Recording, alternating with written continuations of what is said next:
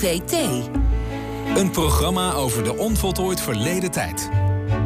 Het klinkt futuristisch, maar over een paar jaar zal, zal, het waarschijnlijk al werkelijkheid worden. Mijnbouw op de maan. De maan die ligt namelijk vol met allerlei kostbare grondstoffen.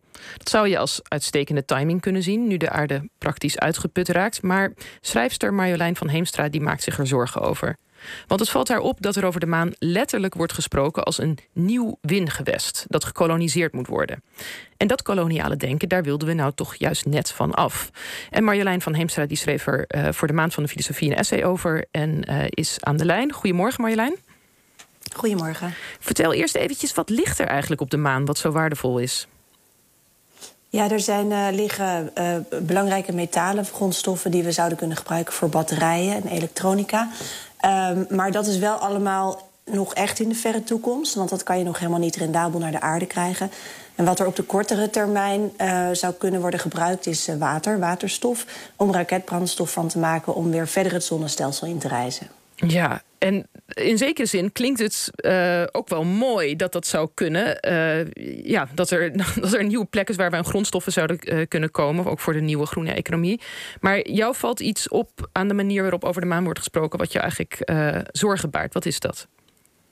Ja, dat is dat er alleen maar in, in termen van, van winst en nou, hele koloniale taal wordt gebruikt. Het wordt ook vaak letterlijk vergeleken met uh, een nieuw soort kolonialisme. Dus we moeten koloniën vestigen in de ruimte.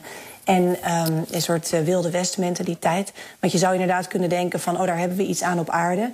Maar we hebben er natuurlijk helemaal niks aan... als er een soort lunaire economie ontstaat... die alleen maar voor zorgt dat we meer gaan consumeren hier op aarde... en dus nog meer afval hebben. En ja, nog meer van wat we niet moeten hebben.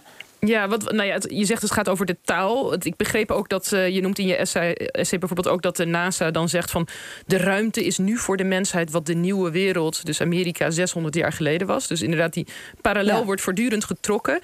Um, maar uh, hoe we daadwerkelijk nu de maan benaderen, lijkt dat ook echt op de manier waarop we bijvoorbeeld vroeger Nederland uh, een kolonie als Suriname benaderden? Nou, het is natuurlijk een heel groot verschil dat er op de maan in principe niemand woont. Ja. En je hebt ook niet zo'n soort ecosysteem als we hier hebben. Dus ja, je zou kunnen zeggen van wat is dan de schade als je daar gaat graven. Het is wel zo dat we nog heel veel niet weten over de maan. Net als we heel veel niet wisten over ecosystemen die vernietigd zijn tijdens het kolonialisme. Um, dus er blijkt wel allemaal seismische activiteiten zijn. Er is een soort, zijn een soort watercycli. En eigenlijk is er nog heel veel onduidelijk over hoe die maan werkt.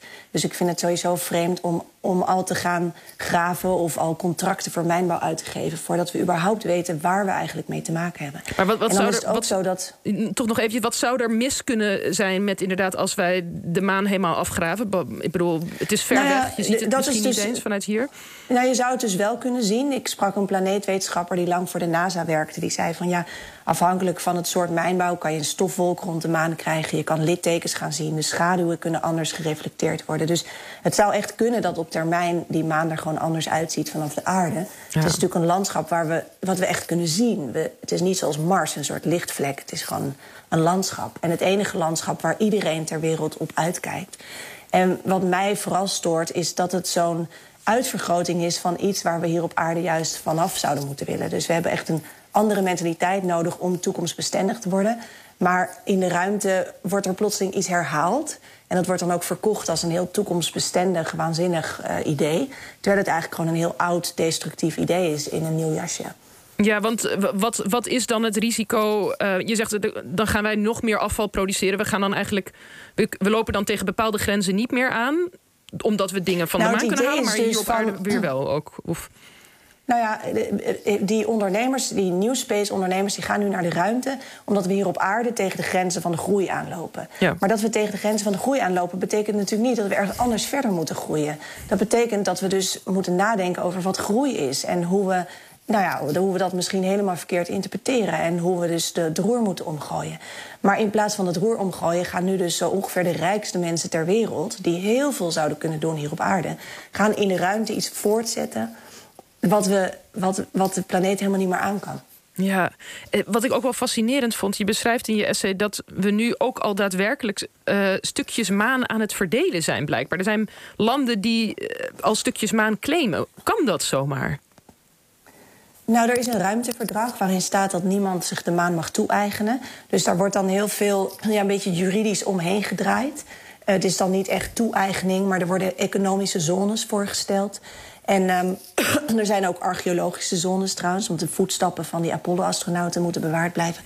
Dus waar de maan ooit een onverdeeld geheel was en heel veel spirituele, eh, culturele waarde had, is het nu, wordt het langzaam echt een, ja, een landschap zoals we dat op aarde kennen, met grenzen en uh, vakjes. Ja, dat intrigeerde mij ook wel wat je schreef in het essay van de maan wordt nu ook in zekere zin ook doodverklaard, zeg jij. Wat, wat bedoel je daarmee? Je zegt van dat is eigenlijk nodig voordat we het kunnen koloniseren, moeten we het gaan behandelen als een dood ding.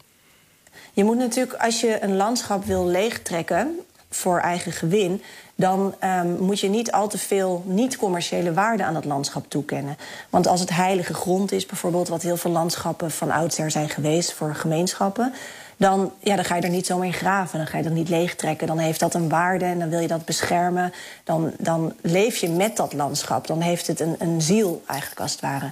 En dat heeft de maan natuurlijk voor de mensheid in principe altijd gehad. De maan zijn, denk ik, over geen, een, geen enkel landschap ter wereld... zijn zoveel verhalen, gedichten. Uh, we projecteren van alles op de maan. Uh, de maan zet ons in beweging, zet dieren in beweging, mensen in beweging. Dus dat is altijd een heilig landschap geweest...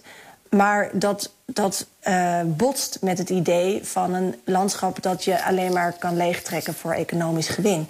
Dus je moet eigenlijk weg van dat idee van een bezielde maan om, om mijnbouw te kunnen uh, doen daar.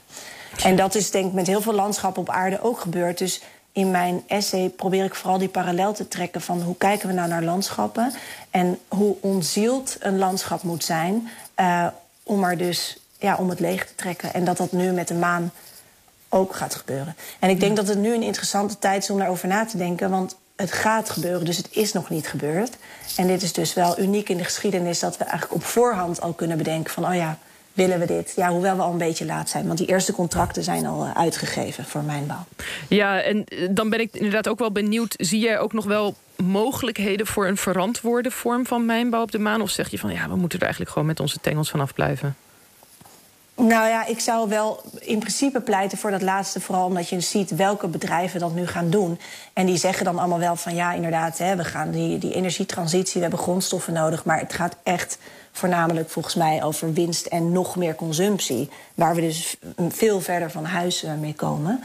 Dus ik zou zeggen van nou, in ieder geval niet deze partijen over het algemeen. Maar um, Tegelijkertijd denk ik ook dat je dit nu niet zo makkelijk meer stopzet. Want het is in gang gezet, die contracten zijn er. En um, dan is het gewoon een kwestie van gaan nadenken over hoe je dat juridisch op een verantwoorde manier doet. En daar zijn heel veel mensen mee bezig. Daar schrijf ik ook over in mijn essay. Dus het is niet zo dat niemand zich hierover buigt. Er zijn allerlei uh, juridische routes worden er nu verkend. Maar ik denk wel dat het heel belangrijk is dat die stem van oké, maar wat is die maan dan waard? Niet alleen maar juridisch of economisch, maar wat is de ziel van de maan? Wat, iedereen kent dat gevoel van omhoog kijken en denken: oh wauw. Soms komt de maan op en ben je helemaal, sta je versteld van hoe wonderschoon en hoe groot die plotseling lijkt. En ik denk dat dat gevoel van wat die maan dus betekent voor de mensheid, dat we dat moeten koesteren en niet moeten verliezen. Het is toch heel treurig als je dan naar een mijnbouwgebied zou kijken. Ja. Ja, inderdaad. Nou, het is, het is een onderwerp. Eh, je geeft ons zeker wat te denken over een onderwerp waar ik denk nog niemand bij. De, uh, voor mij was het in ieder geval helemaal nieuw. Ik wil je bedanken daarvoor, Marjolein van Heemstra. En dat essay kan iedereen dus lezen. Dat is geschreven voor de maand van de filosofie. En het heet Wat is ruimte waard?